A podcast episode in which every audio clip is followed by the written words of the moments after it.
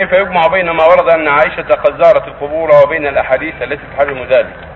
سبق. عائشة ما كانت تزور القبور إنما زارت قبر أخيها لأنه مات وغائبا عنها قرب مكة. فقال لو شهدتك ما زرتك. يعني لو شهدت موتك ما زرتك. هذا يدل على أن زيارة القبور للنساء هي مشروعة. ولهذا قال قالت لو شهدتك ما زرت ولو كانت الزيارة مشروعة للنساء كانت زارته مطلقة ولو شهدته.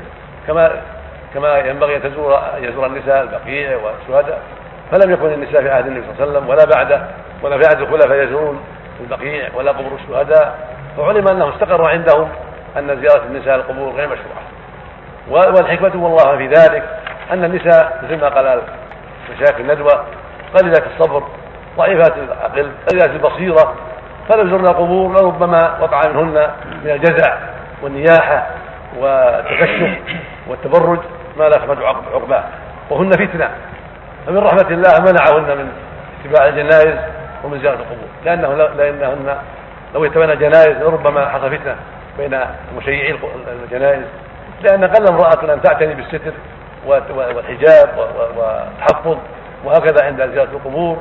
فيقع فتن في اختلاطهن بالرجال حين الزيارة وحين وحين تشييع الجنازة. فالحكمة والله أعلم متركبة من كونهن فتنة قليلات الصبر.